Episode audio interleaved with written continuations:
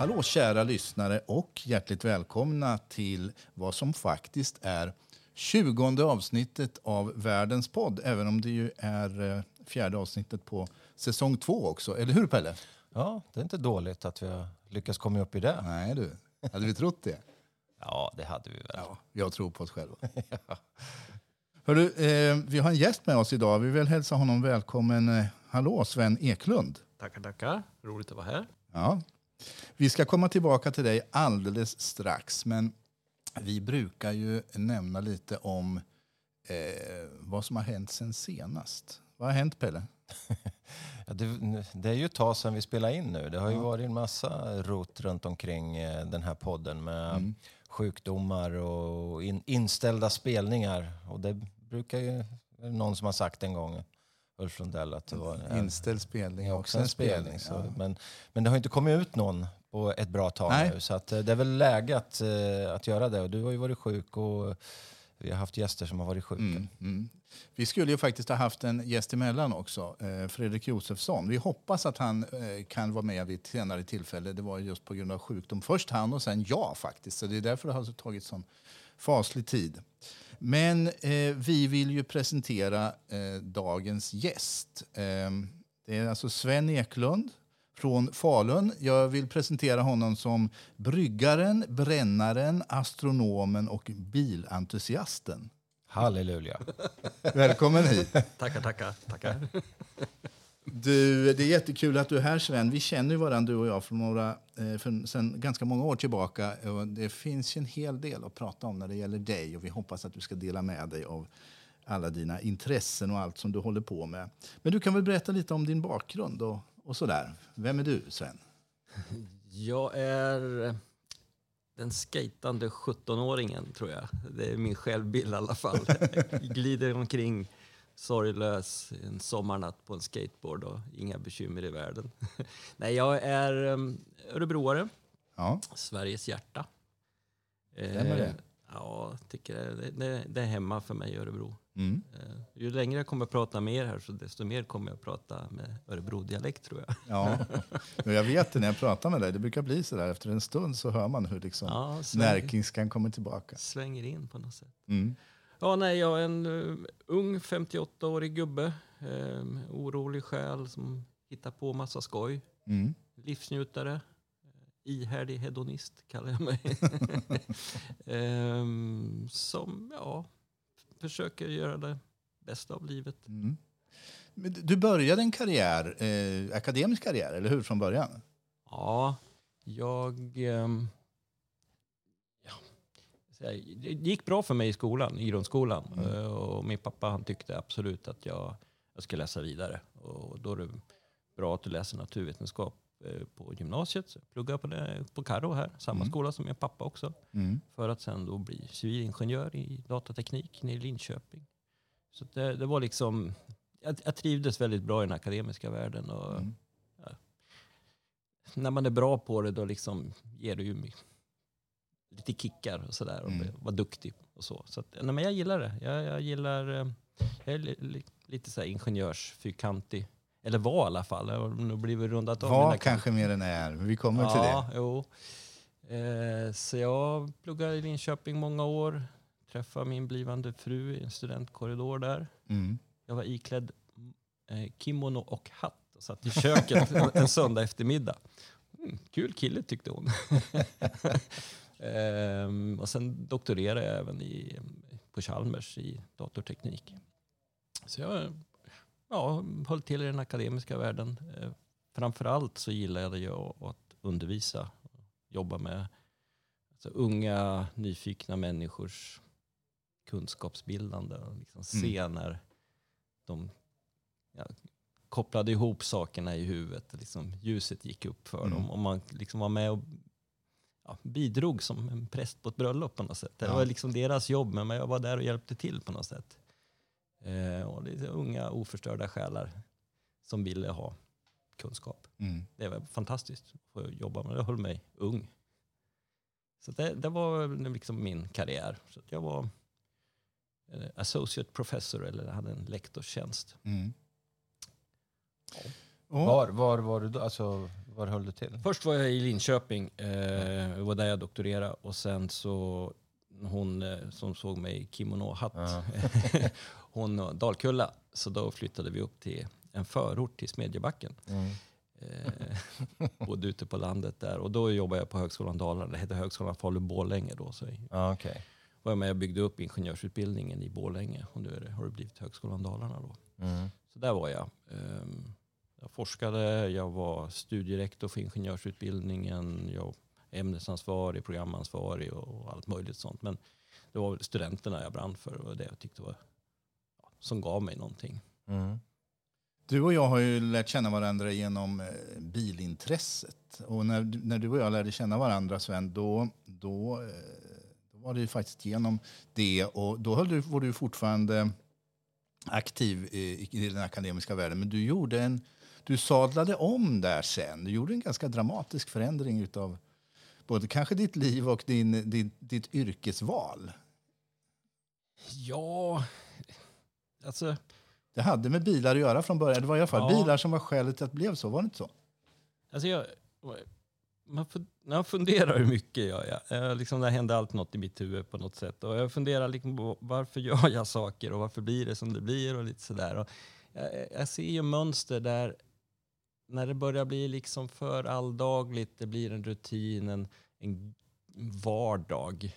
Då börjar det hända, det börjar krypa lite i mig och sen så ja, är det någon galenskap som hoppar ur mig eller som liksom, jag inspireras av. Och sånt där. Och jag tror det där var en tid när det fanns inte mer, mycket mer tjänster inom högskolevärlden för mig att, att jobba inom. Utan det, det var fortfarande studenterna jag brann för. Men jag liksom hade provat på det mesta och det började bli lite tråkigt.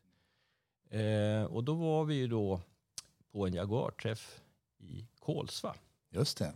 Och eh, en av medlemmarna, Dan Sedrowski, eh, så ha, hade ett bryggeri i, eh, var det Kungsör? I, Köp- eller Mm, Köping. I Köping, var det. Köping var det. ja, precis. Då var vi där och jag blev så här, wow, det här är ju skitfränt. Det här skulle jag kunna göra. Det är liksom bara lite tjopp, tjopp, så och så liksom så. Det fixar jag.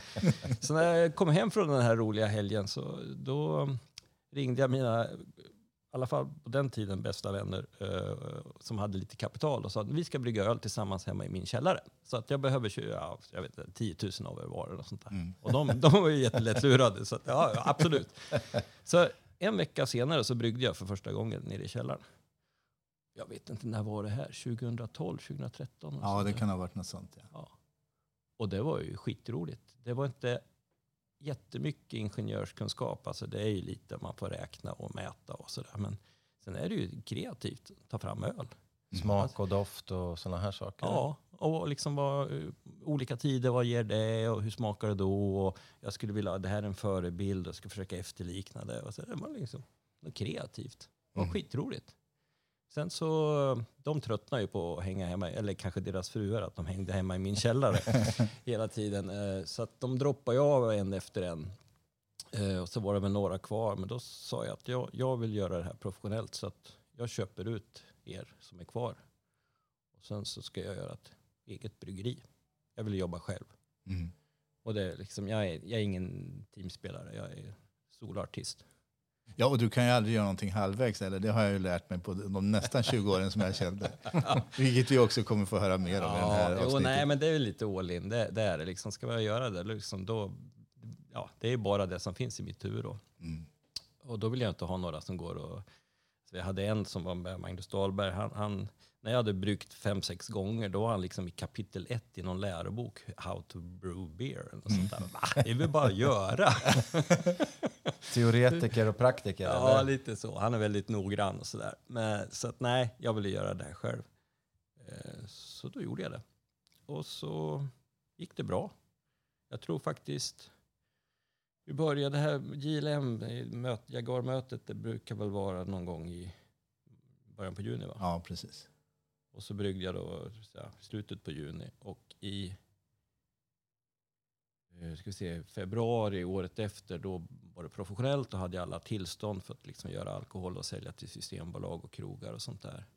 Och sen ett år efter då var det den här äh, ölfestivalen i Söderberke av alla ställen. Men det är liksom Sveriges största ölfestival. Mm. Eh, och det koras alltid en vinnare där. Oppigårds har väl vunnit ja, sju av tolv gånger och sånt där.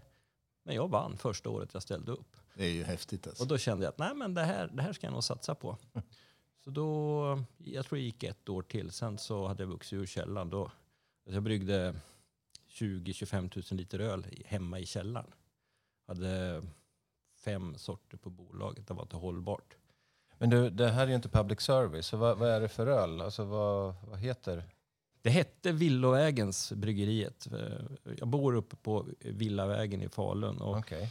där någon gång på 1800-talet så låg det en krog där som hette, eh, som kallades för Villovägen. För att man, man var på fyllan och villan.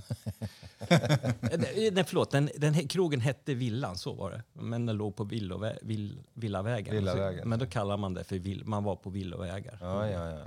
Så att, då fångade jag upp det namnet, och så, Villovägen. Så. Eh, ja, lite så. Mm.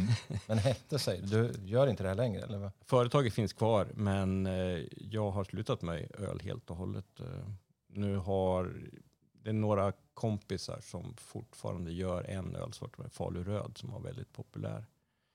Eh, Men annars så finns det inte kvar någonting utav det. Okej. För du gav dig in i andra, du gick från, jag vet inte om det heter så, men från bryggare till brännare. Ja, jo, det, jag brukar säga att jag är master blender, jag är inte master distiller. För det, man kan göra sprit på olika sätt. Man kan börja med såna low wines, alltså man börjar med gammal öl och cider. Eller man jä, jä, jäser någonting alkoholsvagt och sen destillerar man det. Och det är en del stora destillerier som fortfarande gör så. Tevsjö till exempel. Eh, eh, Ven gör så.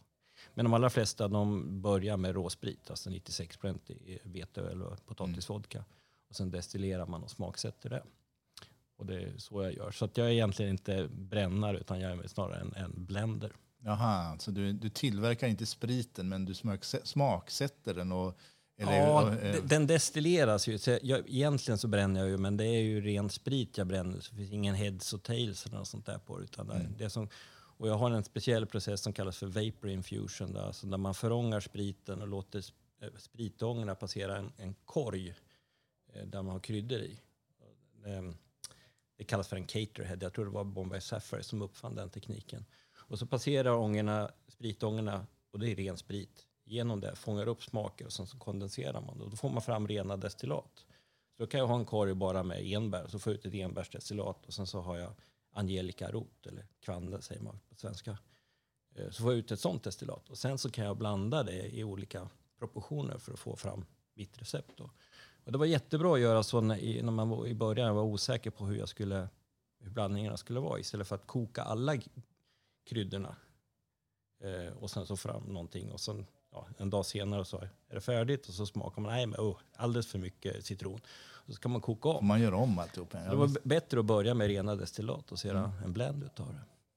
Men, men eh, en viktig grej tror jag, om- med tanke på vad vi pratade om tidigare, det här med olika livscykler. Om man, det händer saker som gör att man ändrar inriktning i livet. I slutet på min karriär som bryggare då, så hade jag en anställd, eh, hade en, en, eller har fortfarande ett hyreskontrakt med en jättefin byggnad i centrala Falun, en gamla spruthuset, en gammal Q-märkt det. brandstation. Då hade jag tio ölsorter på Systembolaget. Och jag hade väl 10-12 Systembolagsbutiker som jag levererade till. Beställningen kom varje tisdag klockan 10, det är fortfarande så. Så ska det vara levererat till på fredag. Och det var jag som körde ut året runt. Min caddy hasplade omkring där. Och det där, ja, det blev ju rutin det också. Mm. Så att, eh, och då var jag, råkade jag vara då i, i Bristol. Och inne i stan i Bristol så går jag ner någon sån här eh, gränd och så ser jag en, en ung man, ganska onykter, håller på att destillera sprit. Och det var där jag fick inspirationen att wow, kan man göra, är det så enkelt att göra det? Så då när jag tyckte att det var, det var ganska lugnt det här med att ja, tuffa på med ölen, tio ölsorter och fara omkring i Dalarna en gång i veckan. Så jag, jag kanske ska börja med lite sprit också. Så man puffar in en grej till då. Och när jag börjar med någonting då blir det så här väldigt fokuserat.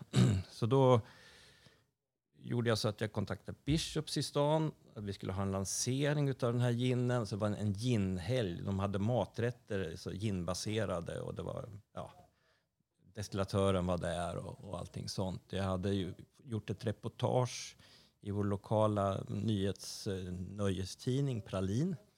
Eh, jättefint reportage om, om bryggaren som börjar destillera och sånt där. mm. Inför jul eh, lanserar det som årets julklapp då. Fast man får ju inte riktigt uppmuntra att säga att det är en julklapp. Men eh, ja, det är jul nu och det här är en ny produkt om ni har några bekymmer inför jul. och det blev ju en succé eh, produktmässigt. Så jag tror jag sålde 600 flaskor över jul och nyår. Eller fick beställningar på det. Men så hade jag ju tio ölsorter också. Och, eh, det är två perioder på året när öl går riktigt bra. Och det är ju midsommar och det är jul och nyår. Mm. Så jag någon gång i, om det var före eller efter nyår, så vet jag att jag står i farstun hemma och bara gråter. Alltså helt otröstlig.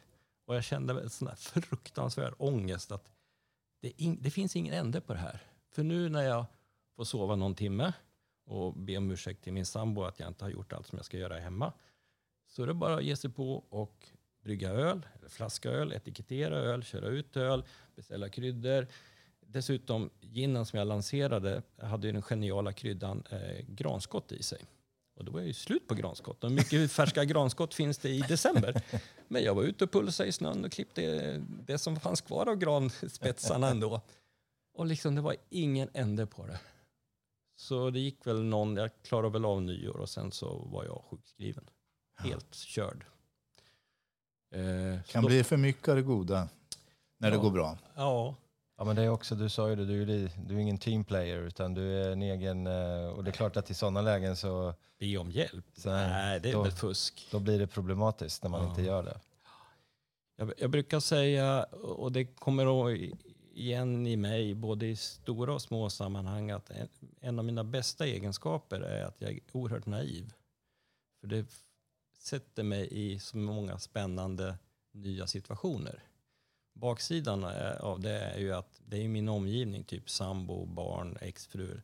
De får ju sopa upp resterna efter mig när jag kraschar. Mm. För jag har gett mig in i saker som jag liksom inte begriper mig på. Nej, och det måste ju vara det som är skälet också till att man kan göra en sån här helomvändning i livet. För de flesta klarar inte av det. Man klarar inte av att lämna det, det trygga, liksom, eh, bra jobb och en utbildning som man inte vill liksom, ska vara... Man har ju gjort det, man har kämpat för det. Så att liksom ta ett sånt steg, så att gå från universitetslektor till att börja brygga öl, det är ju ganska ovanligt tror jag. För, Ja, eh, det, det, den var, det, var inget, där, ja.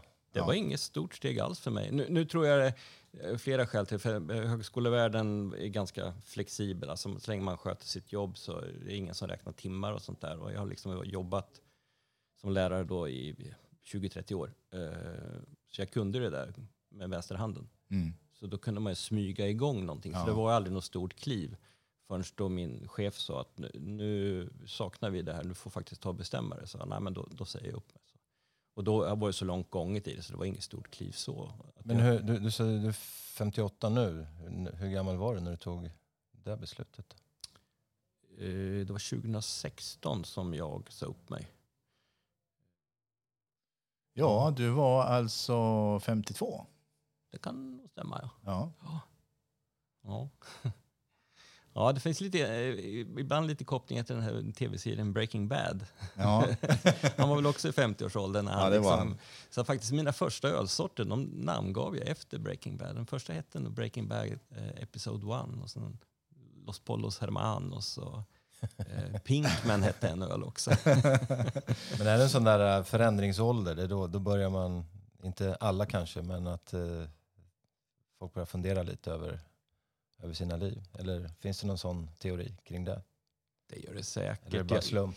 Det gör det säkert. Jag tror nog det mycket mer hur, hur man är som person och vad man är i livet och liksom hur ja, barnen har flugit ur eller man känner att nej men liksom, det här var karriären eller, eller, eller att det händer någonting i livet. Att man Mm. liksom börjar ifrågasätta, ska, ska det inte vara mer än så här? Mm. Men, men jag tror inte jag har varit, varit så driven av det utan det är liksom det här cykeln att ja, men man har en lugn, trygg tillvaro, det rullar på och det är ganska skönt. Mm. Tills det är någonting som börjar skava i eller Man får någon inspiration, typ det här besöket hos Dan Cederowski. Mm. Eller att man liksom, eh, nej, jag måste hitta på någonting. Och så kommer det någonstans ifrån. Och så går man igång, eller jag går igång på det och sen så, så kör jag. Då liksom, från det uttråkade till det extatiska, projektinriktade, målinriktade till att man kanske kraschar eller att det blir rutin. Och så, så, ja. Jag har stått uppe på Fujis topp och insett att jag är helt totalt slut. Och så insett att just det, jag ska ju ner också. men hur begåvat är det? Jag är en som har doktorerat. Men jag är liksom bara så målfokuserad. Och sen så, åh, nej, jag vill bara hem, jag vill se på Aktuellt och äta chips, liksom den här gråa vardagen. Jag vill ha tillbaks den. Ja, så är man tillbaks där och så sitter man på Aktuellt några avsnitt och så, äh, tråkigt. Och där finns en kul bergstopp där nere på Azorerna, Pico. Den ska jag upp på. Ja, så går den- Konsekvenstänk, det är väl kanske begränsande. Ja, men sen är det ju, alltså ibland är det ju att man, eh, har man, som du säger, du, du gör det en gång, du gör det två gånger, att det till slut så blir det en sorts drivkraft. Det är många sådana som har, när de var yngre, var runt och f- luffa runt världen. Det är ju svårt att komma tillbaka och sätta sitt vanligt liv. Utan Mm. då kanske man börjar jobba en stund och sen plötsligt märker man efter ett halvår att jag vill ut och resa igen. Alltså Mm. det, är, det är en sorts, en typ av livsstil man har. Och jag känner igen lite grann ifrån min fotbollskarriär med när man eh, spelar i en klubb och, och sen så har man gjort några säsonger och då vet alla vem man är, hur man spelar, ungefär hur bra man är. Och då finns det ingen som ställer några nya krav på en utan då är, det, då är man färdigpaketerad. Mm. Och då är det lätt att bli bekväm och ligga kvar i den nivån utan att bli bättre.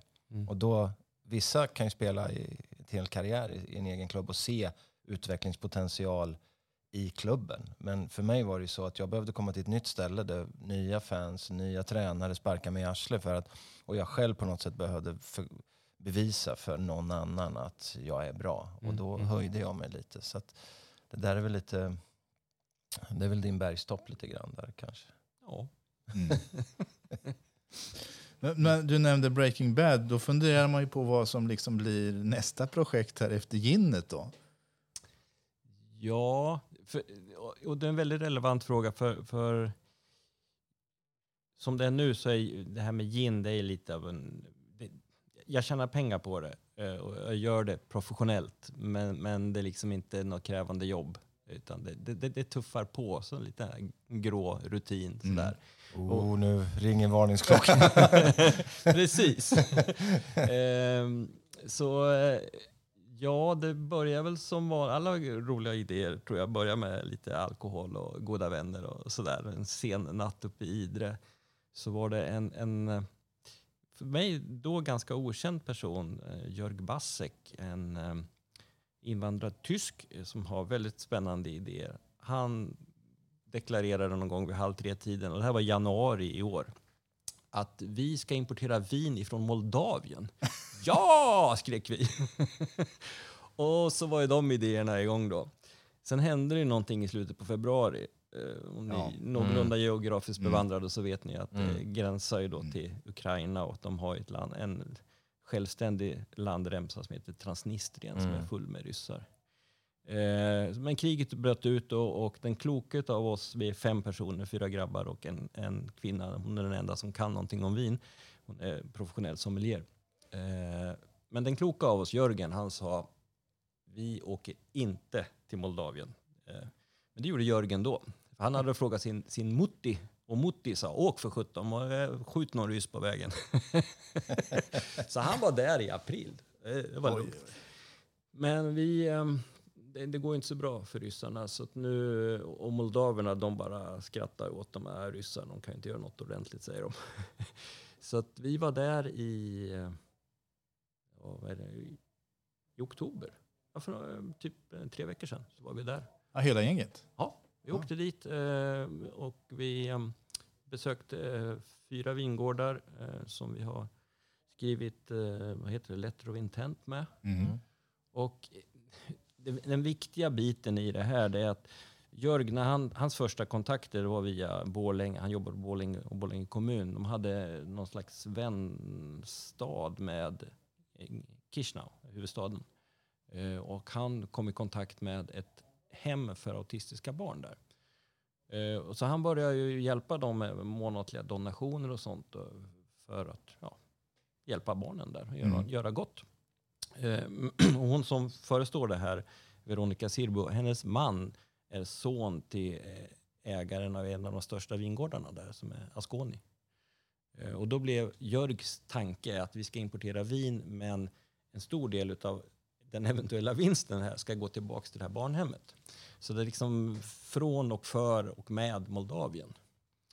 Eh, och det, det, gör, det gör gott i själen. Eh, alltså, det, det, är inte, det handlar inte om karriär, det handlar inte om pengar, det handlar inte egentligen om vin heller, utan det handlar om att göra någonting för ett, ett land och framförallt ett folk, oerhört varmhjärtat folk, eh, och göra gott där, vilket då gör gott hos oss. Mm. Så ja, det är väl det, det som står, står för dörren då, Ja. att bli vinimportör från just Moldavien av alla Du länder. upphör inte att förvåna Sven, men vi har börjat bli van. Men det är spännande med de där länderna. Jag, jag har ju förstått att Georgien har ju också väldigt mycket med vintradition och Ja. En väldigt ja. gammal vintradition. Ja. Är det likadant i Moldavien? Ja, att de det, har, det är, jag skulle säga precis samma. där det, ja. det finns en eh, druva från Georgien som heter Saperavje som har blivit nästan en moldavisk druva som okej. är, blev faktiskt en, en eh, favoritdruva där. Mm. Och vi, vi har helt, de, de gör ju viner baserade på vä- välkända druvor som, som vi köper på bolaget idag. Mm. Men vi har helt riktat in oss på deras inhemska druvor. Mm. Eh, många är ju tyvärr förstörda från under Sovjettiden.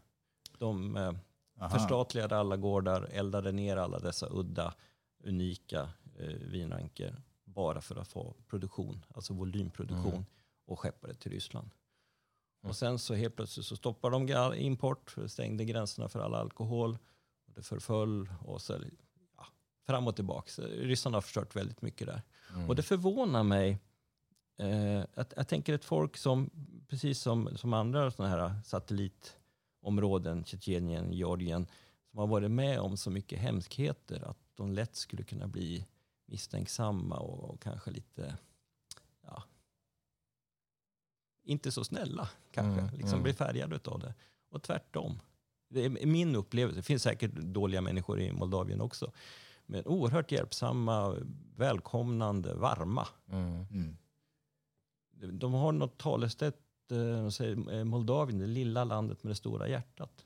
De har tagit emot per capita mest flyktingar från Ukraina eh, av alla länder i världen. Det kan ju vara lite så, vi pratade om det lite faktiskt eh, här i eftermiddag innan vi började spela in, att eh, i länder där man har tag, kunnat ta demokrati och frihet för givet under många år så blir man lite demokratiskadad. Det kan ju hända att det faktiskt fungerar så att har man fått kämpa för sin frihet så finns det en annan eh, kanske tacksamhet och öppenhet. Ja. Mm. Sen är det, alltså jag, jag tror ju på jag tror ju på det här att man, eller tror på, jag, jag menar ju att man måste göra skillnad på länder och politik och människorna. Mm. Jag tror att med reser man nästan var som helst i världen om man ger sig ut bland folk i byar eller små städer så tror jag att de flesta är ganska vänliga. Och inte, det är som är, vi, I Sverige brukar man ju säga liksom att eh, sådana som flyttar hit har svårt att komma in i det för att vi stänger dörren halva året eller mer än det och lever, lever där och är lite svåra kanske. Men generellt så tror jag att, eh, att folk är välkomnande. Men däremot när det blir konflikter och det blir grupper, det är ju det här med grupper kontra individer. Mm. Individer tror jag inte är några problem, men när det blir grupper och det blir grupptryck och det blir någonting som sker där, då kan det bli nationalism och, och plötsligt så hatar man varandra eller det blir misstänksamheten eller vad det nu är för någonting. Det är som jag, jag vet inte hur många gånger jag pratar om Kina, men det är ju så, mina gamla lagkamrater sedan 30 år tillbaka, vi har ju haft kontakt. Liksom, och jag kan inte prata med, med dem, jag går via, via min, eh, min gamla tolk som jag är god vän med. Men jag har ju varit tillbaka flera gånger den värme man möter där är ju helt makalös. Jag möter den aldrig likadant i Sverige. Liksom. Naturligtvis så gammal fotbollsspelare och, och, och det finns en, en annan dimension i det, men ändå. Liksom, och, Och det är ledsamt. Nu är det tre stycken som har gått bort på, liksom, utav de här unga. Mm. Eh, på, utav olika saker. Så här. Och det, det gör mig ledsen. Liksom, så där. Mm. Och, och Kina är också en stenhård diktatur för närvarande. Men åker man dit så, och träffar människor så är, är det väldigt varma människor där också. Sen finns det den här, som jag har förstått, yngre som har nu börjat marineras i Xi Jinpings eh, moderna, eh, vad heter det, eh, Maos gamla eh, lilla röda eller vad den hette. Som han har ju någon app där man med tal och grejer. Man Mm. Mm. får poäng om man går in och lyssnar på sådana här saker. Har förstått sakerna.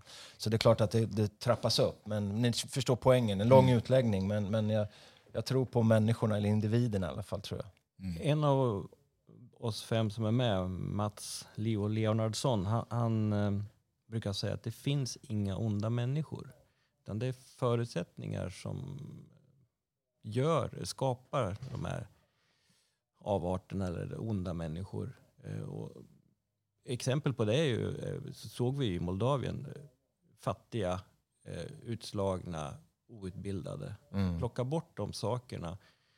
Alltså vi, vi kan ha ideologier och, och prata om vad som är rätt och fel. Men är man där nere på stegen, då handlar det liksom om mat för dagen. Mm. Överlevnad. Ja.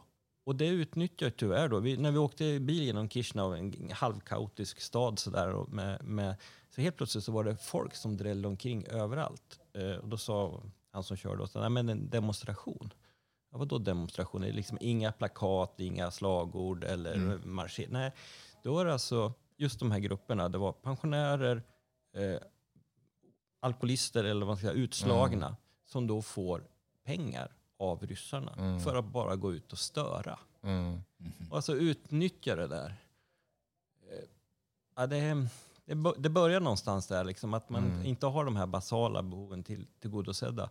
Då, då spelar det liksom ingen roll eh, demokrati. Jag vill bli mätt. Ja, det är ju helt ointressant med demokrati. Då. Det är ju, jag, jag såg en inslag på nyheterna med en kvinna, jag tror det var i Moldavien nu, som eh, vill ju hellre ha ryssarna där. Det var ju Transnistrien. Det var Ja. liksom, men sen, eh, Vad som är sant. ja men precis, man får ju vara försiktig med sådana Mm. saker. Men, men jag, ja, Mm. ja, det är ju helt klart. Alltså, överlevnad går ju över allting annat. Så enkelt är det ju bara. Mm. Ja, nej, det är tråkigt när det utnyttjas på, på det sättet. Men det låter som ett spännande projekt. Och Ja, det verkligen. värmer ju hjärtat att höra om det här med barnhemmet och alltihop. Ja. Kul för er och för dem. Ja. Men du har ju fler strängar på din lyra Sven och det skulle bli besviken om det inte hade varit så.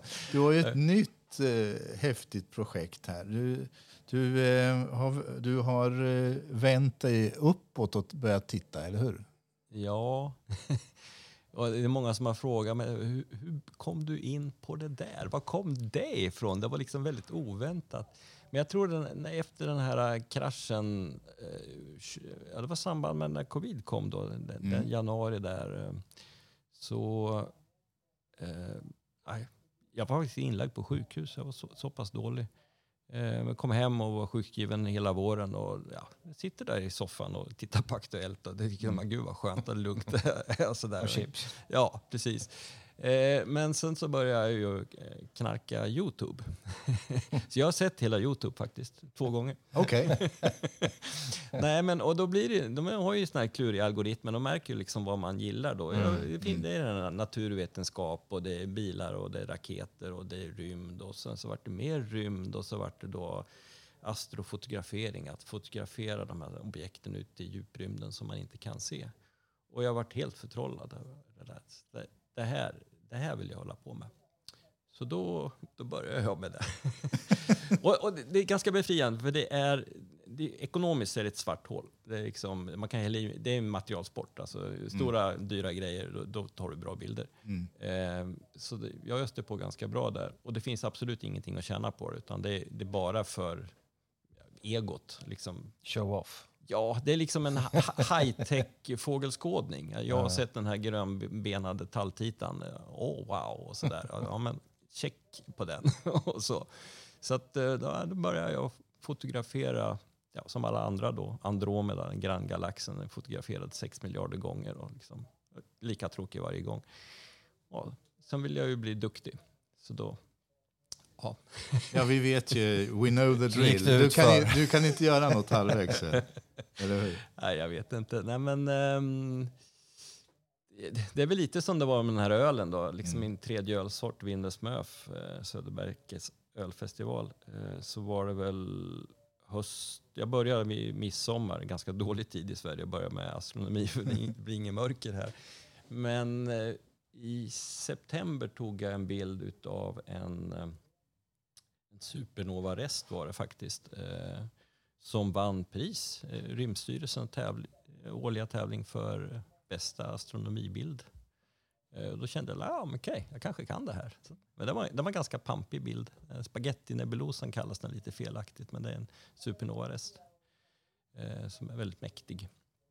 Eh, så då köpte jag ju större grejer och bättre grejer och sen så började jag inse då att nu är det ju inte grejerna det som är det begränsande utan det är ju framförallt vädret i Sverige. Det är liksom en klar natt per månad och Mm. ibland. Och sen bor jag mitt inne i Falun och då är det ganska mycket ströljus som stör natthimlen så det reflekteras tillbaks av fukt i atmosfären. Så det går inte att ta tillräckligt bra bilder Nej. även om du har bättre grejer. Så då skulle jag flytta grejerna till Spanien till ett eh, observatorium eller en sån här slags det är som en garagelänga fast istället för garageport så har man tak som är som en port. Man kan Mm. öppna ett tak och sen så fjärrstyra det teleskopet hemifrån på en bergstopp eh, på jag säga, Torrevieja och sen inåt landet upp i bergen. Då. Mm. Men där, jag var där bara någon månad. Jag blev rätt osams med dem. De skötte sig inte. Det var ganska oprofessionellt tyckte jag. Så då tog jag en caddy och åkte dit och så rev jag ner allting och så skällde jag på dem. Så åkte jag över till andra sidan av halvön till norr om Sevilla i Extremadura. Till eh, Frenegal de la Sierra. Där finns världens största teleskopfarm. De har typ 100 teleskop där. Ja. Så det är en 8-10 sådana här längor med 10, Det- 10 teleskop i varje. Jag har sett någon bild. Det ser ut som något ur Star Wars. De, de, de där farmarna som man ser att de har på, eh, på planeter. Och, Ja, ja det, är, det är väldigt så här, eh, vita saker, symmetriskt och eh, fjärrstyrt allting. Men om jag måste, jag måste fatta det rätt, alltså, då placerar man grejer där, sen sitter du hemma i Sverige och kan använda? Ja, ja. Jag, kan, jag kan styra det från telefon här. Okej, så de som man placerar på den här farmen, de kan vara lite från olika delar av Europa? Ja, he, hela världen är representerad där. Eh, Men det, det är, jag tror de har tio sådana längor, eller nio kanske. Och sen är det två stycken som har egna byggnader. Och det är jag naturligtvis, för jag kan inte göra som alla andra. Så jag har en sån här, för- mig var liksom ett observatorium, det är inte att vara i en sån här garagelänga, utan jag vill ha min egen kupol eh, som man kan snurra och så Självklart. öppna och sånt där. Sen är det en kund till som har egen byggnad och det är Pentagon. De mäter in sina satelliter därifrån. Eh, Så och det är min granne där också. Så, så att det, där håller, håller jag till då. Eh, eller håller, mina grejer håller till där. Så jag var nere nu för, när var det? Ja, före eller efter jag var i Moldavien. Före var det nog, och bytte en, en montering där nere. Eh, så det blir lite bättre då. Ja, du, du, har, du, du, du, du har vunnit pris igen, va? Eller du fick möjlighet att namnge någonting, var det inte så?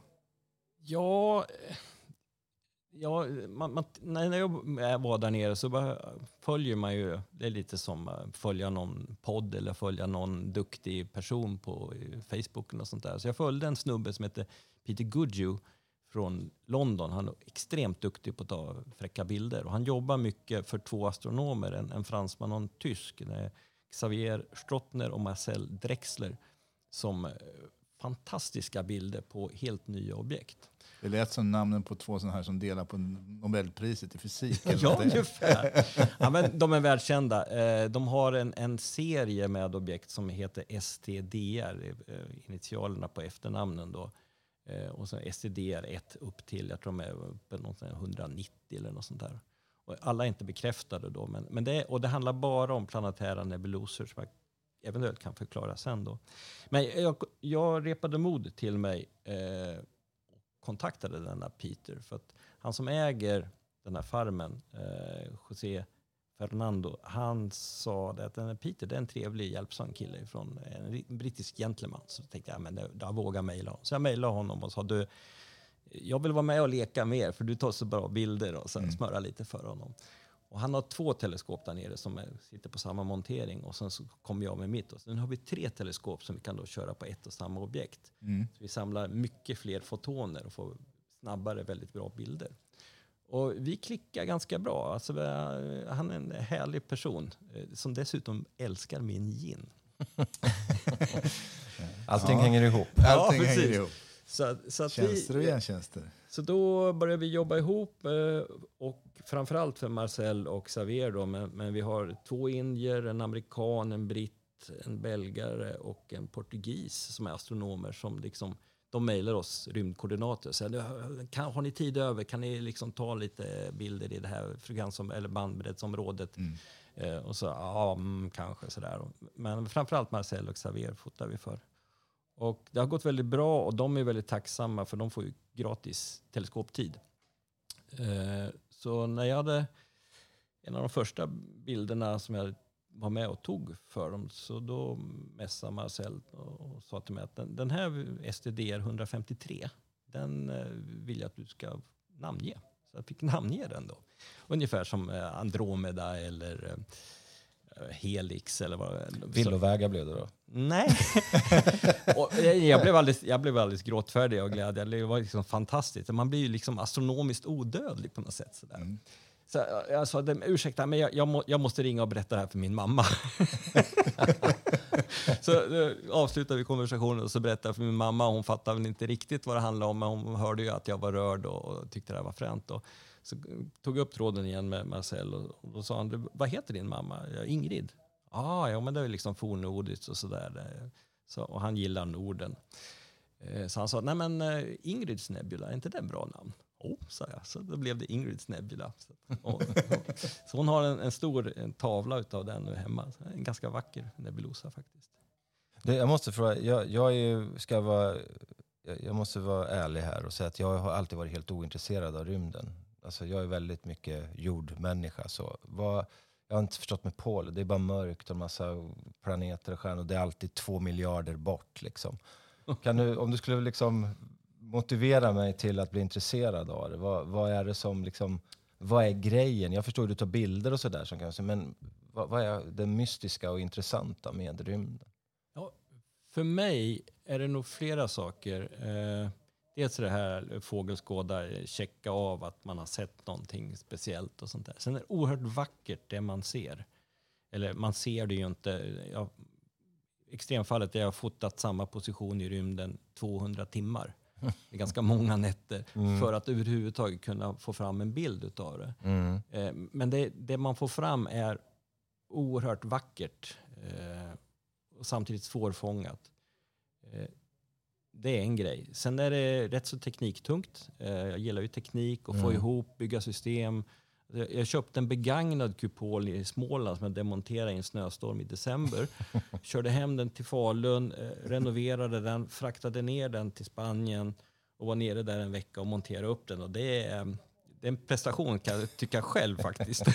Att få ihop den där på en vecka där nere. Men det, det är jättekul att liksom hålla på med, det, allting är ju datorstyrt och Mm. sensorer och kameror och grejer och sånt där. Skitfränt.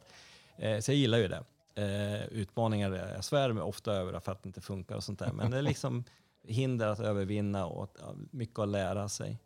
Eh, men sen är det det här eh, ogripbara, som du sa, det, det miljarder i ljusår bort. Mm. Alltså, det, det vi ser skedde för några miljarder år sedan. Det är Mm. svårt att förstå vad en miljard är ens en gång. Ja, verkligen. Eh, så, så det är något omtumlande. En del blir ju alltså, yra i huvudet då, när jag berättar om hur långt bort eller hur stort det är. Och Mm. En del säger sluta, jag, jag klarar inte av att höra det här. Det här är för jobbigt för mig. Och andra är mer så här, wow. Mm. Ehm, så det är flera saker. Sen, sen nu när vi fotar, vi får en koordinat av en forskare och säger att jag, tror det finns indikationer här på att det ska finnas någonting här. Och så börjar vi fota. Och nu har det blivit så att jag är den som sätter samman allting. Vi, vi Mm. tar kanske mellan 5 och 15 minuters exponeringar. Och det blir en bild. Och sen så tar vi en ny bild och så håller vi på så hela natten. Så det, kan, det är flera hundra bilder totalt. Och när man lägger ihop dem och gör lite, man sträcker lite i... man gör lite bildbehandling, alltså inte manipulation utan man förstärker för att lyfta fram svaga saker. Mm. Och då växer det fram ett objekt från ingenting. Från att bara liksom varit eh, svarta bilder med massa vita stjärnor så växer det fram ett objekt i olika färger och man ser djup i det och sånt där. Och dessutom så vet man att det finns ingen annan människa som någonsin har sett det jag ser just nu. Mm. Det är ballt. Mm. Ja, men det, det, det förstår jag. Eh, På det sättet. Liksom. Men har, har du också sådär att du känner, är det, är det mer den här tekniken eller är det sådär också att du skulle gärna vilja ge dig ut i rymden om det fanns Nej. möjlighet att göra Nej. det? Där finns ingen, ingen Nej, intresse nej. kring det? Jag är väldigt smal. Alltså, det finns mycket man kan hålla på med och och det är väldigt olika discipliner. En del tittar ju bara okulärt. Alltså de står och tittar i ett okular och så säger åh, det är månen. Mm. Ja, eh, det är good for them, men det är inte för mig. Nej. Eh, Sen finns det, jag är i den kategorin som, jag har aldrig ägt ett okular, utan jag bara fotograferar och kopplar till dator Mm. då. Även när jag var hemma så hade jag det på balkongen och sen så var det en dator som styrde allting. Mm. Eh, Men sen kan man då fotografera planeter, man kan fotografera solen, eh, man kan fotografera galaxer, man kan fotografera stjärnhopar. Allt det där är helt ointressant för mig. Det är liksom Okej. bara, ja okej, månen den är halv idag, jättekul. Det är som en solnedgång i, på en strand i... Nej, det, det är, och, och liksom, man kan se de här uh, utkastningarna av plasma från solen. Och det är imponerande att lyckas fånga det, men helt ointressant för mig. Eh, Galaxer finns olika former, de är på platten, på snedden, de krockar med varandra. Helt ointressant. Och stjärnhopar, alltså det är en kluster av stjärnor. Det är liksom bara ett gytter. Så här. Ja, kul. Nej, Utan det är bara nebulosor. Det är det enda jag fotar. Så jag är väldigt smal så. Eh, Men det är för att det, det är...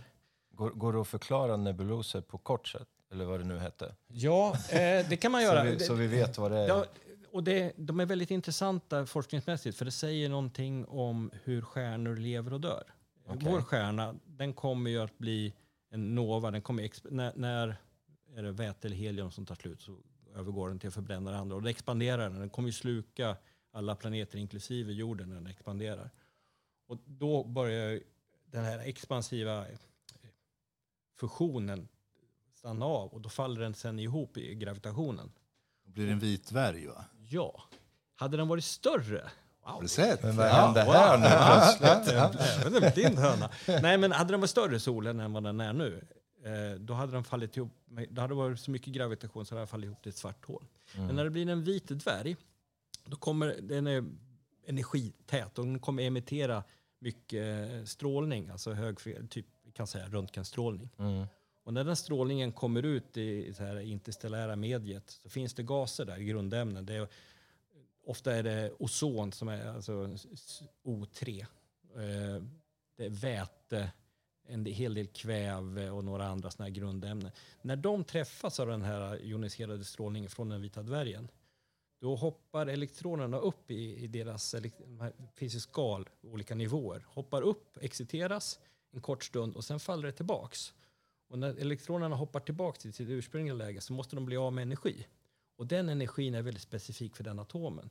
Så man får olika strålning från väteatomer, från ozonatomer eller molekyler eller från kväve och sånt. Och med olika filter så kan man fånga upp de här olika då och ta fram att här finns det mycket väte, här finns det ozon och så vidare. Och så eh, kan man bygga upp en bild av det. Mhm. Men de här, hur de här... säger, livslängden på en sån här eh, nebulosa är ganska kort astronomiskt sett. Man, den äldsta kända, som för övrigt jag var först att fotografera, eh, finns, ligger i M31. Eh, det är inte min upptäckt, men vi var först att fotografera den. Eh, den är, man är upp mot 60 000 år. Och det är ingenting i astronomiska mått. Så det är väldigt intressant att fånga de här nebuloserna under den här korta livslängden. och Hur de Mm. beter sig. Sen exakt vad forskarna gör med de här informationen, det vet jag inte. Nej. Lära sig mer om rymden kanske. Tack för den förklaringen. Glasklar. Ja, vi, vi återvänder till jorden eh, och någonting en aning mer jordnära, nämligen bilar. Ja. Vi känner ju varandra den vägen faktiskt, du och jag Sven, genom bilar. Det började med Jaguar, som ju ligger oss båda varmt om hjärtat. Äger du fortfarande en Jaguar? Eh, nej, det gör jag inte. Men din dotter gör kanske? Nej, det gör jag Inte? inte. Nej, okej. Ingen av dem är kvar.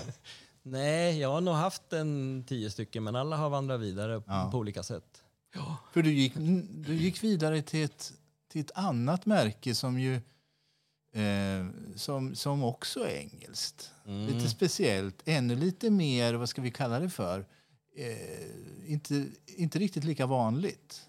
Nej, det är det inte. Och det, det passar in bra på mig. Det får inte Ja. vara för vanligt. Och Nej. det är liksom, nej, då vill jag annat. Sen är det ju världens vackraste karosser generellt sett. Det är ju ja, det är konstverk tycker jag.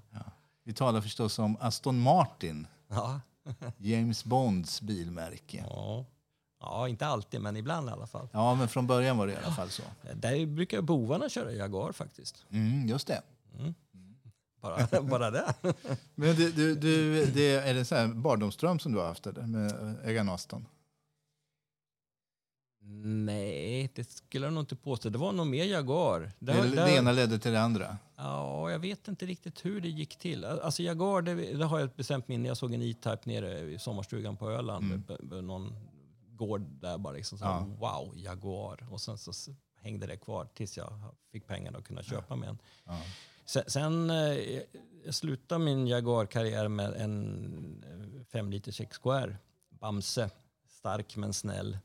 Eh, den, Kompressormatad Jaguar, eh, för de som inte Ja, vet, var- med fem liters bensinmotor. Ja, en, en 5 liters V8 med Mm. kompressorer. Eh, ja, den, den rörde på sig, men den var väldigt snäll och sådär. Jag körde, eh, enligt verkstaden, så jag var den enda som hade kört sönder kardanaxeln på en sån. så de, de fixade den och sen så sålde jag vidare den. Mm. Eh, och sen så åkte jag med något, något tyskt märke något år och tyckte det var jättetråkigt. Tills Mm, någon det är det ju. Ja. Eh, och då, jag vet faktiskt inte vad, vad det kommer utav. Eh, min far idiotförklarade mig när jag skulle köpa ytterligare en, en, en brittisk bil. En far har nämligen bott i England. Min syster är född i Derby. Mm. Eh, ja, och han vet väl lite om brittiska bilar då, så han tyckte jag var idiotiskt att gå från Jaguar till ett annat. britt- Han- För övrigt så idiotförklarade en far mig då, salig far, han dog förra året, 93 år gammal. Eh, när jag då gav upp min karriär på akademin Mm. för att brygga öl. Och det måste jag bara nämna, för att hans pappa, min farfar, han grundade Arboga öl. Aha. Så det gick några år eh, innan far kunde tycka att nej, men det var lite kul ändå att sonsonen fortsatte med öl. Mm. Nej, han tyckte det var vansinnigt att köpa en Aston Martin. Eh, men eh, jag, var gammal nog och hade pengar nog att ge, mig på det. Så jag importerade en ifrån ja, någonstans i Tyskland. Mm. En, någon Jahrwagen. Vad är det för modell? En V8 Vantage. V8 Eller Vantage. rättare sagt, det var en V8 Vantage. Ja, för det, vi är ju tillbaka det där på igen, att göra allt på sitt eget vis. För den är inte riktigt original, är det så? Nej, eh, den eh, Vantage är ju, det är ju Baby Aston, det är liksom instegsmodellen. Mm. Eh, oerhört vacker kaross, men lite klen motor. Det är en 4,7 liters V8 sugmotor då, som gjorde, gav väl 440 hästar och sånt där. Och det, egentligen är det 4,3 som är lite uppborrad bara. Mm. Så den är lite klenare i motorkonstruktionen. Och så har de ju mm, i samband med strängare avgaskrav så blev ju, gick ju hästkrafterna ner men då ökar de ju värvsspärren bara så att den behöll de här 440. Då. Men är liksom, den, den var, man får varva den väldigt om det ska hända någonting. Mm. Så då var det en god gemensam vän till oss, Peter, som tipsade om att det finns ju faktiskt en kompressorombyggare, en sån här uppfinnarjocke i Bristol. Ja. Ehm, Så det var därför jag var i Bristol och upptäckte hur man destillerar sprit. Ja, det var i samband med det. Allt Jajamän. hänger ihop hela ja, tiden. precis. så då var jag där med den och eh, fick den uppgraderad. Eh, och sen när vi åkte hem, jag och min sambo, så gick det alldeles utmärkt tills vi kom. Det hände alltid grejer i Frankrike av någon anledning. Hemskt land. den, det är en vattenkyld kompressor. Så den sprutar in eh, en dimma av vatten i insugsluften för att kyla den. Och det, Då kan man öka effekten. Precis. Eh, men det är ju inget bra om de där spridarna öppnar det öppet tillstånd för då tömmer man hela vattenbollen, typ 3 liter i insuget och så rinner det till slut ner i cylindrarna och då det går inte att komprimera vatten som man komprimerar gas eller luft och bränsleblandningar. Då knäcker man vevstakarna. Men det var det som hände. Inte att det knäckte vevstakarna, men jag tömde alltså vatten Mm. I den. Så då, ja, vi klarade oss ur det, men jag var ganska förbannad. Jag hade liksom haft det där i ja, ett par dagar bara. Kom, Mm. kom till Frankrike. Men då flög han över till Sverige, eh, den här mekanikern, och fixade problemet. Ja. Eh, sen gick det ett år, eh, så var han över igen, för då hade han en uppgradering. Så då bodde han hemma hos oss och så var han ute i garaget och uppgraderade där. Och, sen så, och allting är ju programmerat då, så då laddade han ner då programversion A, så var vi ute och körde lite galet på vägarna. Alltså, det är lite klent här på höga varv. Ska vi ska, man, ja, men det fixar vi. Så. så hem och så tog jag en kaffe och han knackade om koden och så version B. Och så ut och körde. Och jag kände mig lite som en Formel 1-förare med min personliga mekaniker. Så vi kom väl till version H eller något sånt där. Och sa nu är den helt rätt. Ja, bra, då har vi klart för 98 oktan då. Då ska vi ha för 95 också. ja, nej, så nu ger den väl drygt 600 hästar och sånt där. Och den är helt annan bil faktiskt. Man behöver inte växla så ofta, det är bara att gasa. Och du kör ut in i den? Ja, Mm. all- sommartid alltså. Ja. Ja. Härligt Sven. Ehm, hörni, vi, vi börjar väl närma oss lite eh, finalen på det här avsnittet. Mhm. Vilket äventyr. Vilket äventyr. Det har Ja. varit ett sant nöje att ha dig med Sven. Eh, och eh, vi ska alldeles strax tacka dig också. Eh, vi ska väl kanske bara nämna några saker. Eh, det kommer ett nytt avsnitt här. Fast vi ska väl inte lova något datum för när vi gör det då blir det ju fel. Så att det, men, eh, Så fort som möjligt. så fort som möjligt kommer ett nytt avsnitt. Vi brukar påminna om kontaktuppgifter till podden också. Eh, maila gärna in till oss om ni önskar eh, eh, om ni har tips på ämnen eller kanske tips på gäster eller, Mm. eller vad ni vill. Mm. Eller någon musik som vi, ni vill att vi spelar. Eh, för det brukar vi göra ibland. Eh, ni mejlar i så fall på eh, Vardens podd, alltså världens podd är ett ord, men utan prickar, snabelaggmail.com. Med det så, så stort tack till dig Sven för att du ville vara med. Tackar, tackar. Tack för att få vara här. Ja. Eh, tack till alla lyssnare. Mm. Vi säger det. Ja, jag tror vi slutar där va? Jag tror vi slutar där. Ha det bra allihopa. Hej då. Hej. Hej.